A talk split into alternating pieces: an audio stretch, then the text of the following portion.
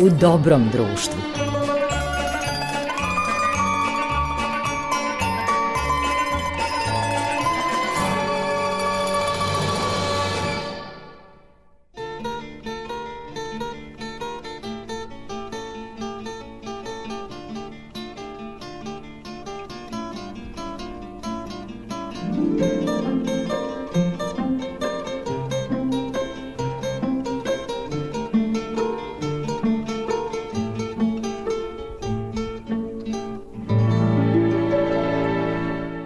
Zaista izuzetnu čast da u današnjem izdanju emisije u dobrom društvu, u duhu ovog velikog praznika, Hristovog rođenja, ali i svih praznika koji nas očekuju i eto u susret i Savindanu ugostim Milivoja Ranđića, direktora zadužbine Svetog manastira Hilandara u Beogradu, a eto, deveti vek živi zadužbina Svetog Simeona i Svetog Save na Svetoj gori, i 2021. biće svakako upamćena kao godina u kojoj je država Srbija donela zakon o Hilandaru. Ja ću biti na ti sa Milijem Rađićem, s obzirom da je on moj prijatelj već dve decenije i naravno za početak Hristos se rodi i sve najbolje da nam donese Božić. E, zaista se rodi Hristos, brate Gorane, da, dugo godina se znamo, upoznao nas je Hilandar, Tako je. upoznao nas je Hilandar. A koga upozna Hilandar, to traje. Jeste. Neka je blagosloven Božić i tebi, i saradnicima, i slušalcima. Neka je blagoslovena i srećna nova godina, ova 2022. koja, daj Bože, doneće nam malo i mira i spokoja u odnosu na veoma teške dve godine iza nas, nama lično, jeli, Da bolje dane posle ovoga. obeležila su, i neke druge stvari, naše iskustva. Međutim, u suštini, ostaće ono što je najvažnije, što je istorijsko. Termin se često suviše olako koristi. Međutim, nadam se zaista da je jedan istorijski događaj usvajanje tog zakona o Hilandaru. Šta će on doneti Hilandaru? Evo ovako, nekako da damo, da probamo da damo nekakvu sliku o tome. Hilandar je izgoreo 2004. Četvrte. godine, je li tako? Četvrtog 2006. smo počeli da, da obnavljamo Hilandar. Kada kažemo izgoreo, izgorela je polovina manastira. Definitivno to je velika katastrofa bila. Međutim, izgorelo je jedno, pre svega, spomeničko nepokretno nasledđe, govorimo o objektima graditeljskog nasledđa. Ali ono najvrednije Pa sačuva. najvrednije je sačuvano. Riznica, hvala Bogu, nije stradala. Spisak izgorelih e, dela sveštene umetnosti nije tako veliki, nije tako dramatičan za narod koji ima. Međutim, to što su izgoreli predmeti uglavnom iz, ne znam, 16. 17. veka, sve to stvar percepcije. Da je takav požar zahvatio, ne znam, neki manastir ili nekakvu ustanovu sličnog tipa iz, iz Amerike, njima bi to bila velika katastrofa, mnogo veća katastrofa u stvari. Međutim, kod nas su druge stvari uticale u tom trenutku na veliku brigu i, i, i sekiraciju. 21. je ovo vek. Ovo je vreme različitih izazova. I veliko pitanje je bilo na koje, hvala Bogu, brzo dobije dobar odgovor i mi u stvari u celom ovom kontinuitetu imamo podršku i brigu Srbije. To je bilo veliko pitanje. Znači, bez brige i podrške Republike Srbije, jedna takva ustanova bi imala velike teškoće da, da iznađe kapacitet, pogotovo, a znači Hilandarac i stari, svestan si i duhovnih promena koje su se dešavale, promena u njihovoj unutrašnjoj strukturi, znači zid i oritmi je manastir koji prelazi uopšte žiće, to se desilo desetak, 12 godina ranije formalno, ali to je proces, to nije, nije stvar koja se dogodi preko noći, kao što se porodice formiraju tokom vremena i dobijaju svoj duh, tako i manastir kao vrlo specifična porodica, zajednica. Da, u stvari svaki manastir se zove kao svet, sveštena porodica, Jeste, sveštena obitelj. sveštena znači, obitelj, što je stara srpska Jeste. reč, slovenska, zato je ono Jeramoni, Hilandariju, Hilandarska. Jest. Manastir je jednostavno požar zatekao u, trenu, u, u jednom trenutku i ta velika briga Znači, nije prerasla u nepopravljivu katastrofu samom činjenicom da je Republika Srbija stala iza tog manastira i da je nastavila do današnjeg dana da igra ulogu stožera njegove rekonstrukcije i zaštite kulturnog i duhovnog nasledđa tamo. S druge strane, ključni stožer da se sve to dogodi, znači da krene obnova nakon požara, bilo je samo bratstvo, koje je doživjelo takođe svoj preporod, svoju obnovu. I umnožilo se. Umnožilo se, ma dupliralo se, danas 50 monaha iskušenika i više, verovatno, kada računamo iskušenike.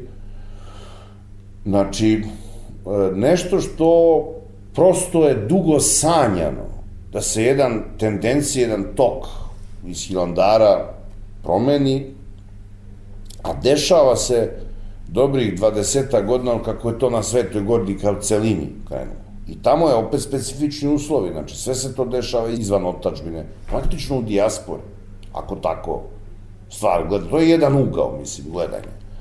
Mada na Svetoj Gori su svi dijaspora u odnosu na svet. Tako znači, je. oni su se iselili iz sveta i doselili na Svetu Goru. Zakon je u pozitivnom smislu te reči kulminacija.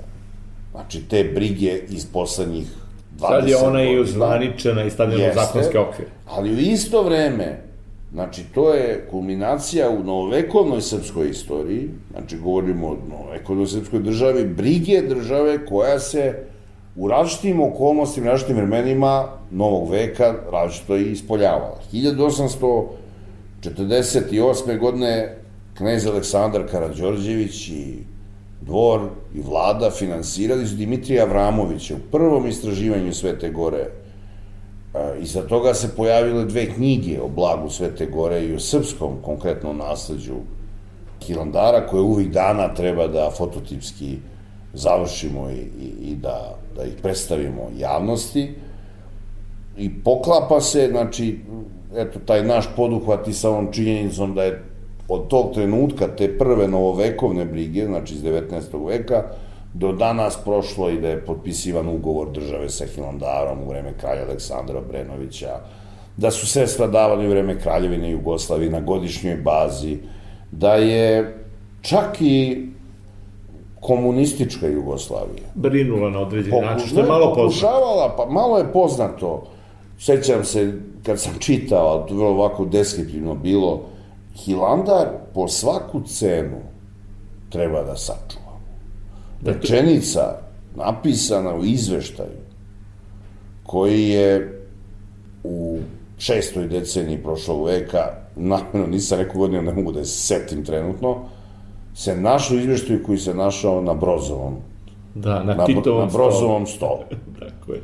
Sumirana, znači, situacija, sumirana cela priča oko oko brige o manastiru Hilandaru i u toj sumi, u tom zaključku nalazi se po svaku cenu mora biti sačuvan. Ali Josip Broz nikad nije došao u Hilandar, bar se to zvanično ne zna. Ja sam pitao prvi put kad sam otišao u oktobru 90. godine u manastir, ja sam pitao da li ovde Tito bio, mi smo onako bili deca obrazovana u, u duhu titoizma, takve smo imali takvo obrazovanje gde je u fokusu bila narodno borba i vrhovni komandant i tako dalje.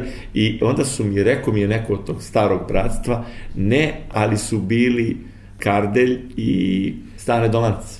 Valjda u nekoj izvidnici. Ja iskreno rečeno, Kardelj, evo to prvi put čujem.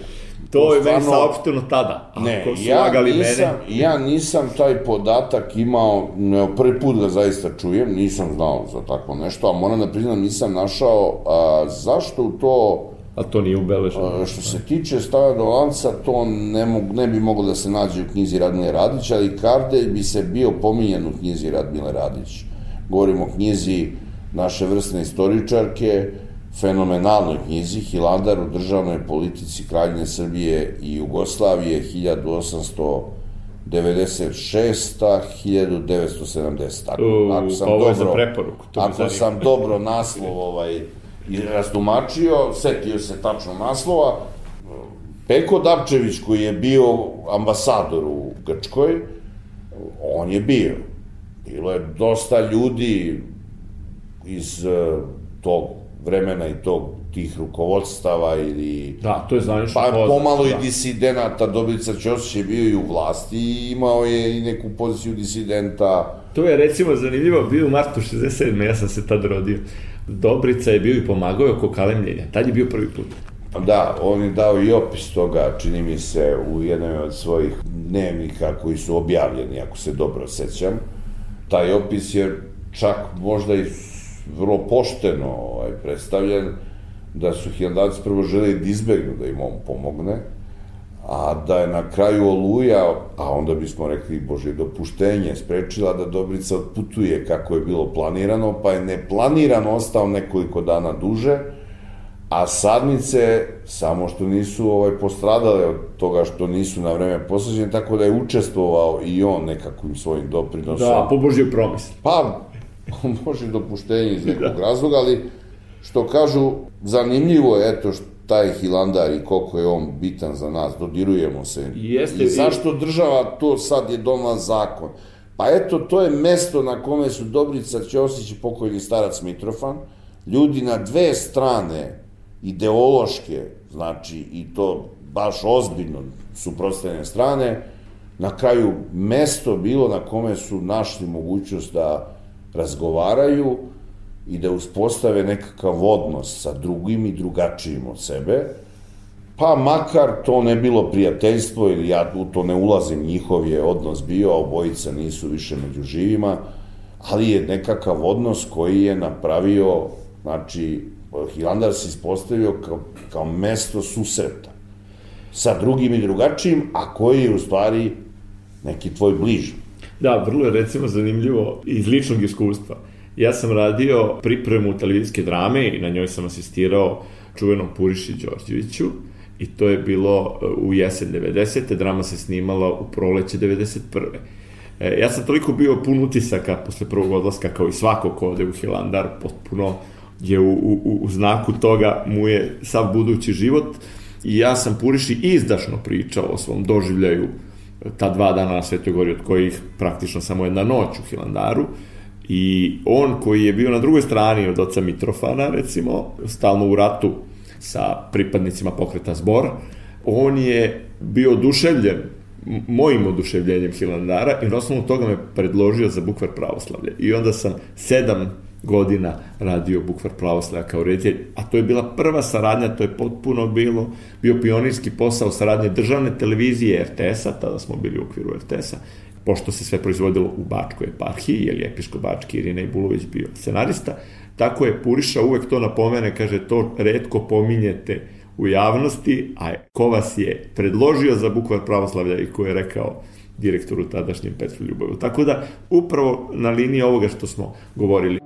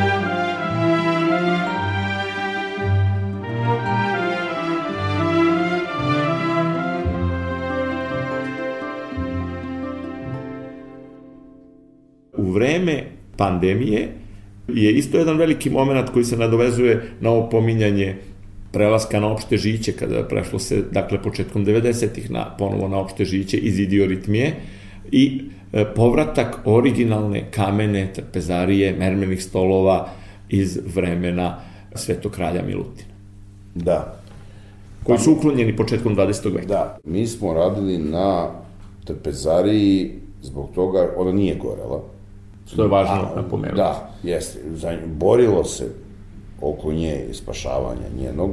Jeste, jer se ona oslanja, da. ona se oslanja na objekat u kome je počeo požar. U, na igumenariju. Jeste, da. Na igumenariju. I prosto bilo je tog truda 2004. marta da se ona spasi, pa i nekoliko dana kasnije sećam se da je na greda iznena da je recimo dva, tri dana posle onog glavnog udara požara ona je umeđu mnom tinjala i pojavio se dim, ali to sve vatrogasne ekipe su bile aktivne i sve su uspale da zaustave. Međutim, trpezarija nije bila u dobroj, dobrom stanju, generalno, znači tu su postavili konstruktivni problemi, krovna cela konstrukcija, krovni nosače kameni, to je veliko opterećenje, međuspratne konstrukcije, podrum, znači prosto jedan objekat koji nije pretrpeo ozbiljnu građevinsku rekonstrukciju od vremena kada je napravljen. A napravljen u vreme kralja Milutina, to je znači prvih 20 godina 14. veka. A, ali živopis nije iz tog vremena. Ne, ne, živopis je...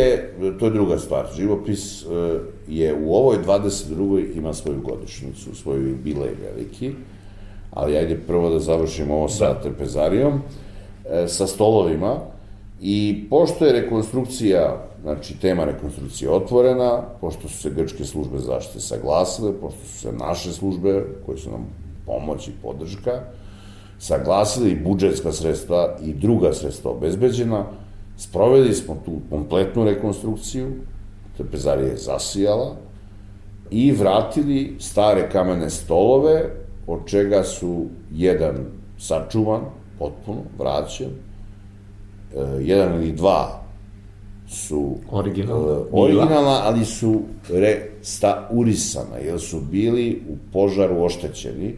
Oni su se nalazili ne u trpezari, bili su uklonjeni, kako si lepo rekao, krajem 19. ili početkom 20. veka, ali su oštećeni, jeli, u požaru. Preko pada velikog konaka. Jeste, oštećeni su i onda je poseban mali projekat bio potpuno njihove, kao puzzle kad se sklapaju, tako su oni iznova sklopljeni, a ostali su napravljeni po merama i zanimljivost je da je veliko pitanje bilo, nije postojala ni jedna fotografija, niti je postojao neš, neki crtež nama poznat. Iz vremena.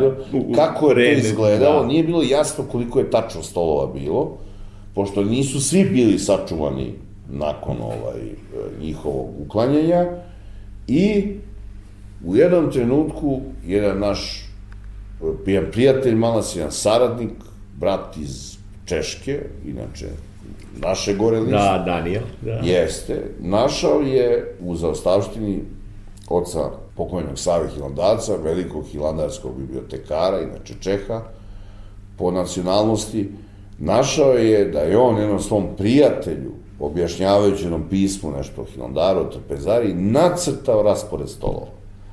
I taj raspored stolova nam omogući da, prepozna, da znamo koliko ih ima, kako su bili raspoređeni njihove dimenzije, pošto to nije crtež u razmeri, to je prosto skica rukom, njihove dimenzije su prema proceni arhitekata napravljene, ali taj raspored je, je učinjen.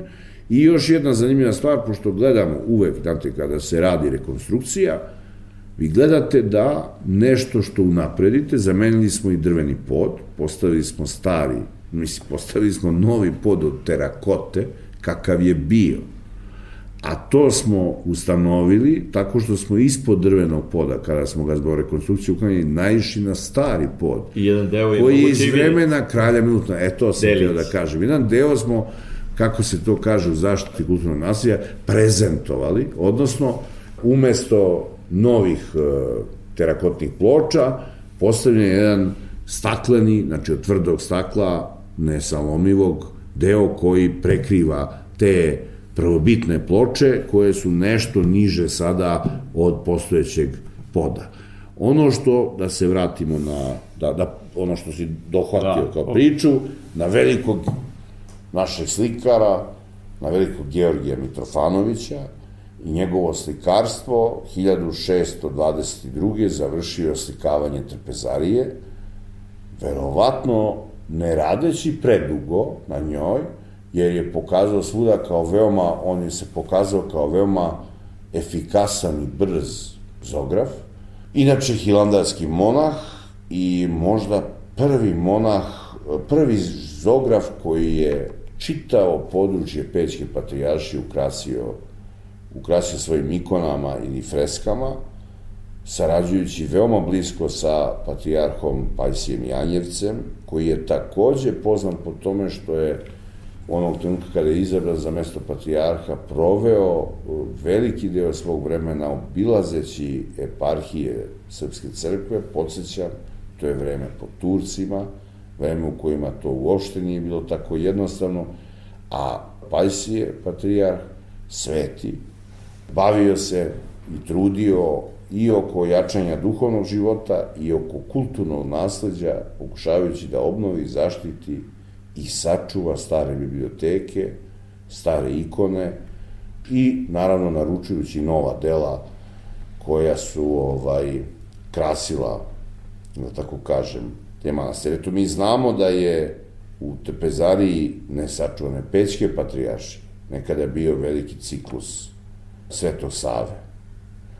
Taj ciklus danas postoji samo u Hilandaru, u trpezariji manastira Hilandara, slikan rukom monaha Georgija Mitrofanovića, koji je slikao i ovaj pečki ciklus i koji je, nakon što je oslikao Hilandarsku trpezariju, prestao da se pominje u bilo kom smislu, mi nemamo više nijedan pomen od njega, tako da je godišnjica koja se e, 2022. 400 godina oslikavanja Hilandarske trpezarije i jedinstvenog ciklusa Svetog Save, znači, iz tog perioda, prvo koji mi imamo, u isto vreme je i godišnjica velikog slikara, velikog umetnika i staralca i duhovnika, a to je Georgije Mitrofanović, jer je poslednji puta da pomenuti, naučnici pretpostavljaju te godine, krajem te godine i početkom sledeće izbila je kuga,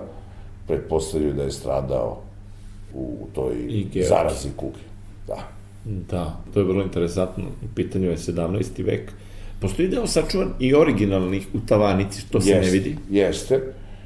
Imaju Sveta freska. Trojica. Sveta Trojica, jedna predstava Svete Trojice i to je izuzetan rad.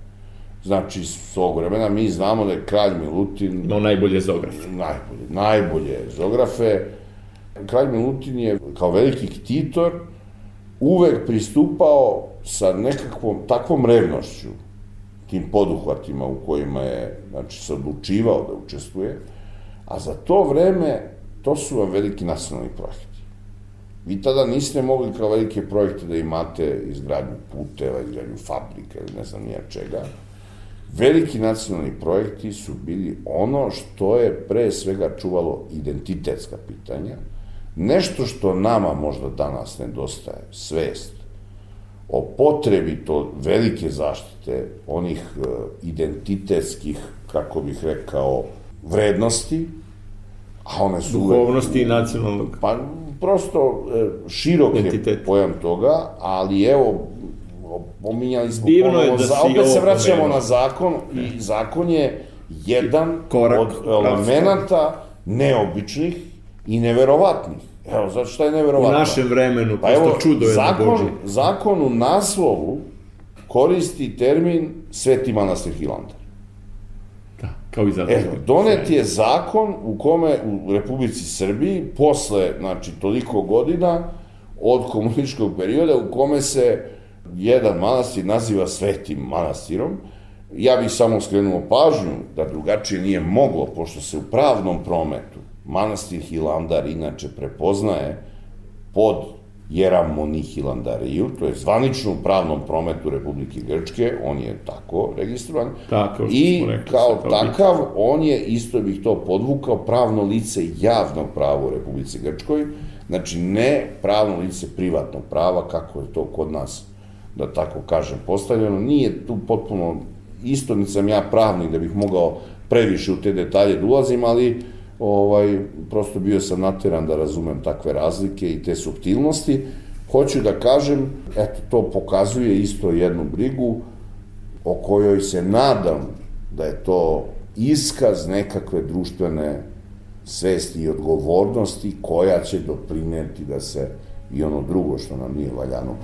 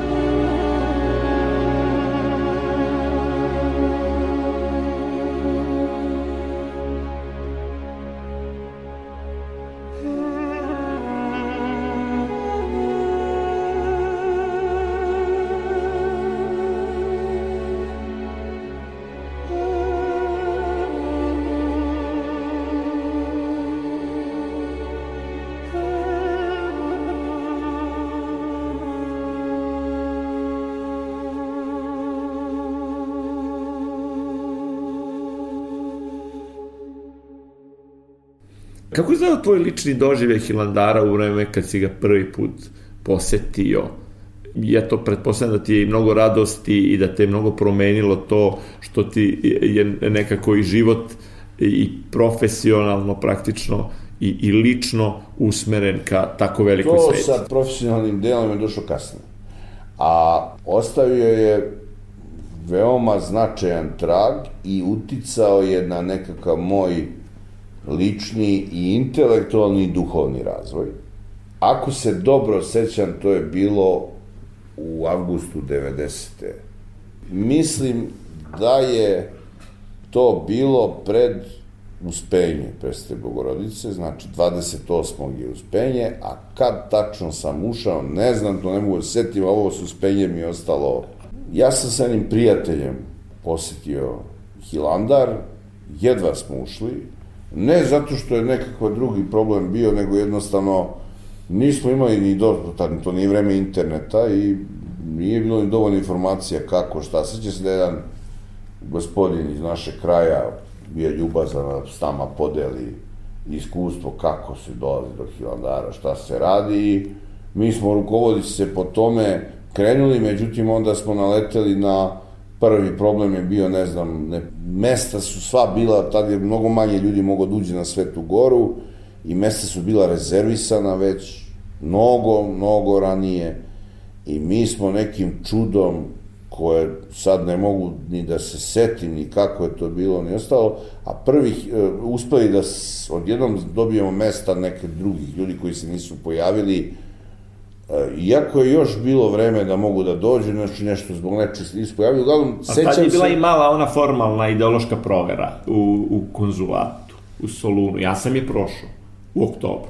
Kratak razgovor samo iz kojih razloga idem pa se posle išlo u ministarstvo. Ja znam da smo išli u konzulat, ali uopšte ne mogu da setim nekog nekog posebnog razgovora. Ja sam imao kratki razgovor sa vice konzulom, objasnio sam, mi smo umetnici, nastao na, da. umetnički aspekt. pa ja sam bio, tek završio vojsku, i ja i moj prijatelj, tek smo služili vojsku, ja sam služio u julu i onda sam se ranije vratio u odnosu na, na većinu mojih prijatelja koji su kao ja upisali fakultet, većina je otišla u septembru u vojsku. Ja iz nekog razloga sam otišao u julu prethodne godine, služio svojih godinu dana i julu bio slobodan. I jedini ko je bio još slobodan, pored mene bio je taj moj školski drug, slobodan.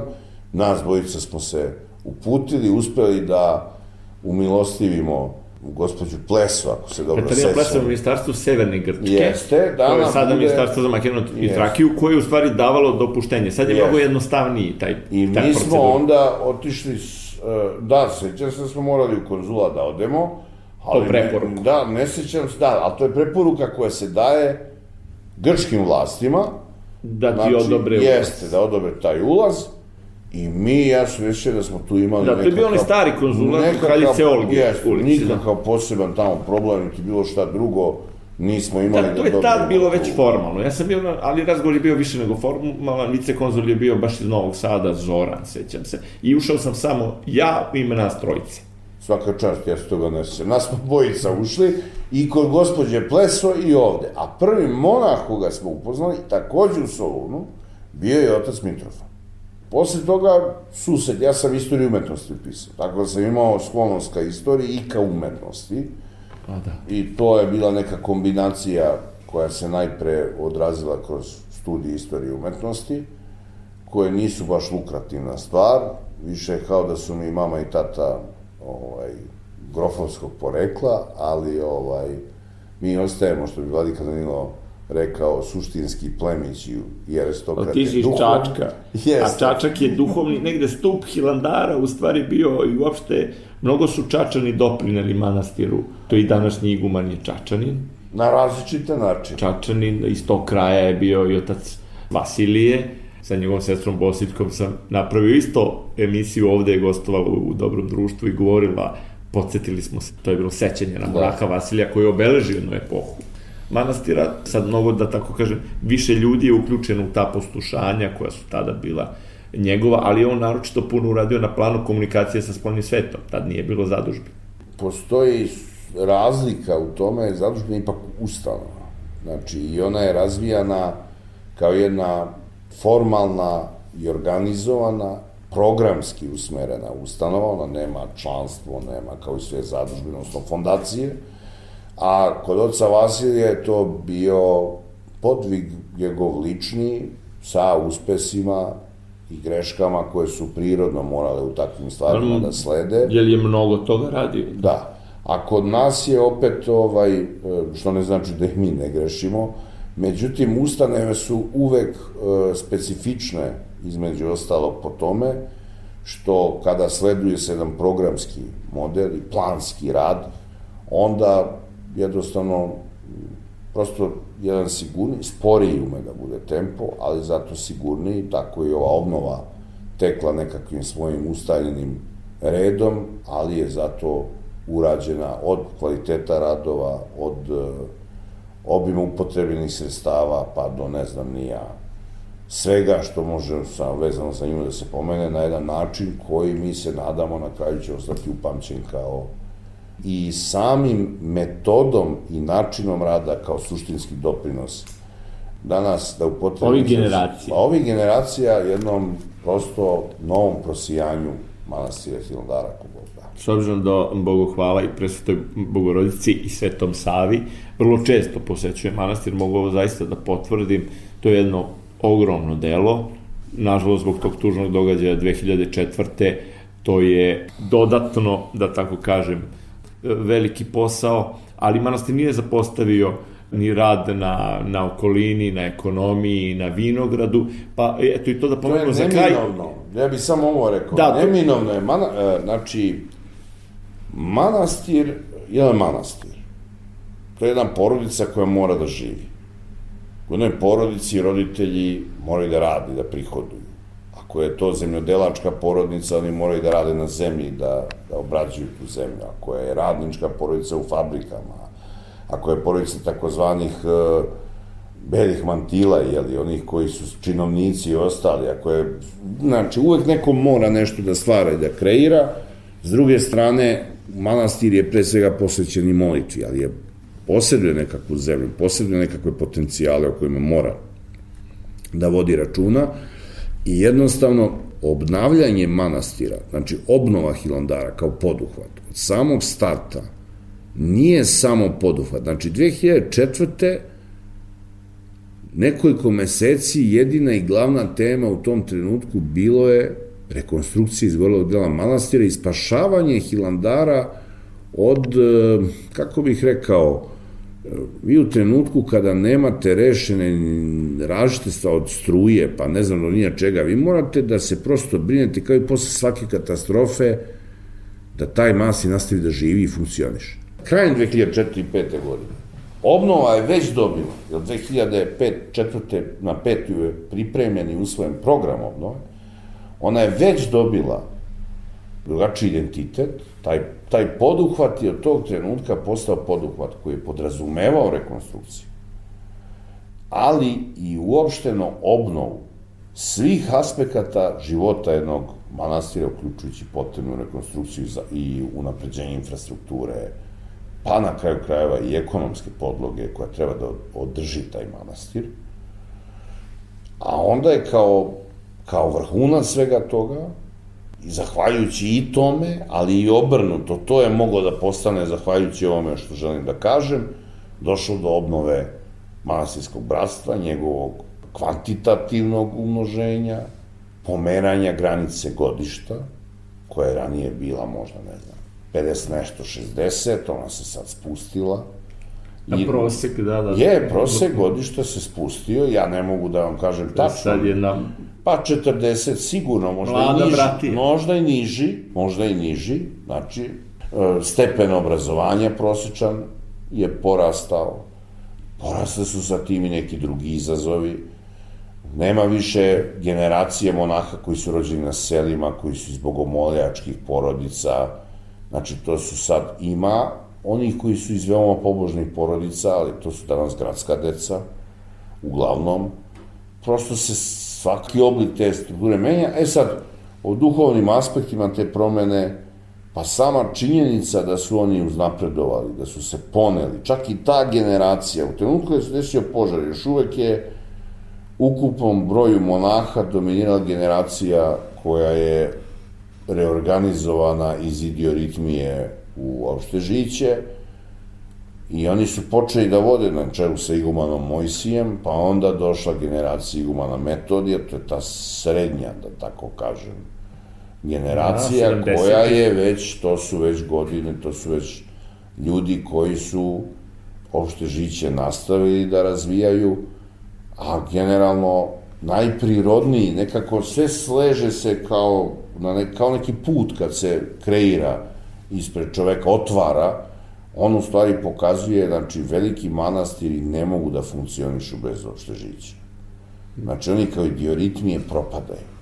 Jednostavno. E, ovaj manastir je u stvari doživeo taj, tu svoju odnu, taj svoj preporod i nadamo se da će to sve tako da potraje i da će s Božim blagoslovom biti ovaj, pomoći da se to izvan njega, ta, ta blagodat Svete gore preko njega. On je uvijek bio vrata za Svetu goru i za suštinski, znači, pravoslavnu kulturu za naš narod.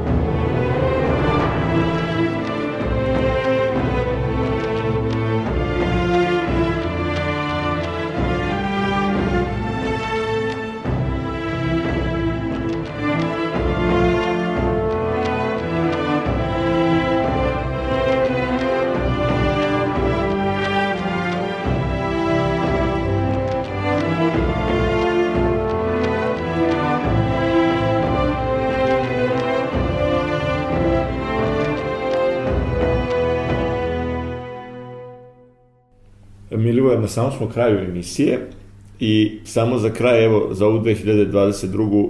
E, ima mnogo planova, naravno, okolnosti su specifične i dalje, ali u najkraćem, šta nas očekuje u manastiru? Mi, obnova ide dalje. Obnova jeste. Što se tiče obnove, mi ćemo Dohiju, Bog, dao Bogu dovesti do kraja u ovoj godini. Ostao nam je još konak igumenarije koji će započeti ove godine da bi do 23 bio dalje razvijan. Mi se takođe nadamo da ćemo u toku ove godine započeti završnu frazu izgradnje nečega što smo nazvali hilandarski energijski sistem. U svim prethodnim fazama radili smo sa velikim, sa prihodima, najvećim delom prihodima koji su nam obezbedili individualni donatori i privreda, u ovoj godini i u narednoj uključit će se sredstva iz, iz budžeta da završimo obezbeđenje strujom, ono je neophodno zbog naših budućih poslova, riznice nove, depoa manastinskog. To su, znači, objekti, odnosno e, funkcije koje se nalazi objekte ne mogu bez električne energije u današnje vreme.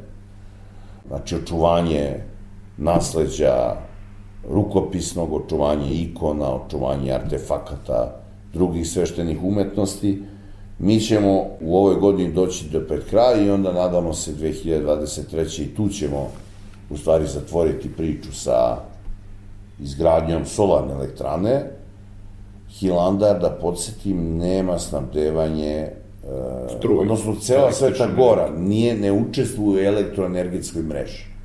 Grčke, nije povezana i moraju svi manastiri za potrebe električne energije da je sami. Da se sami snalaze. Znači, i najvelika lavra ima hidrocentralu, jer je ona u podnožju Atosa, ima nepresušne izvore vode, Drugi manastiri su morali se snalaze preko uglavnom solarnih elektrana i dizel agregata. Nama je dizel agregati izvor električne energije, ali to nije održivo na duge staze, ne samo iz ekoloških razloga, nego i iz finansijskih i na kraju krajeva ne može da nam, znači potrebe su narasle, sama činjenica da pravite novi depo, što nam je plan za kasnije, novi depo za manastirsku risnicu, za čuvanje artefakata da, u. Da, nešto vrlo značajno. Znači, ta stvar sama po sebi ne može da funkcioniše yes. bez e, električne energije u kojoj se održavaju adekvatni mikroklimatski uslovi. Hvala, ja ti se stvarno od srca zahvaljujem. Za sve te planove treba će zdravlja, što od srca želim i tebi i brati. Daj Bože. I hvala na ovom razgovoru, još jednom mir Božji Hristos se rodi. I... Zaista se rodi Hristos, neki radosno i blagosloveno svima, hvala i tebi na pozivu da učiš u emisiji. Do susreta u Hilandaru ili u Zadožbiru.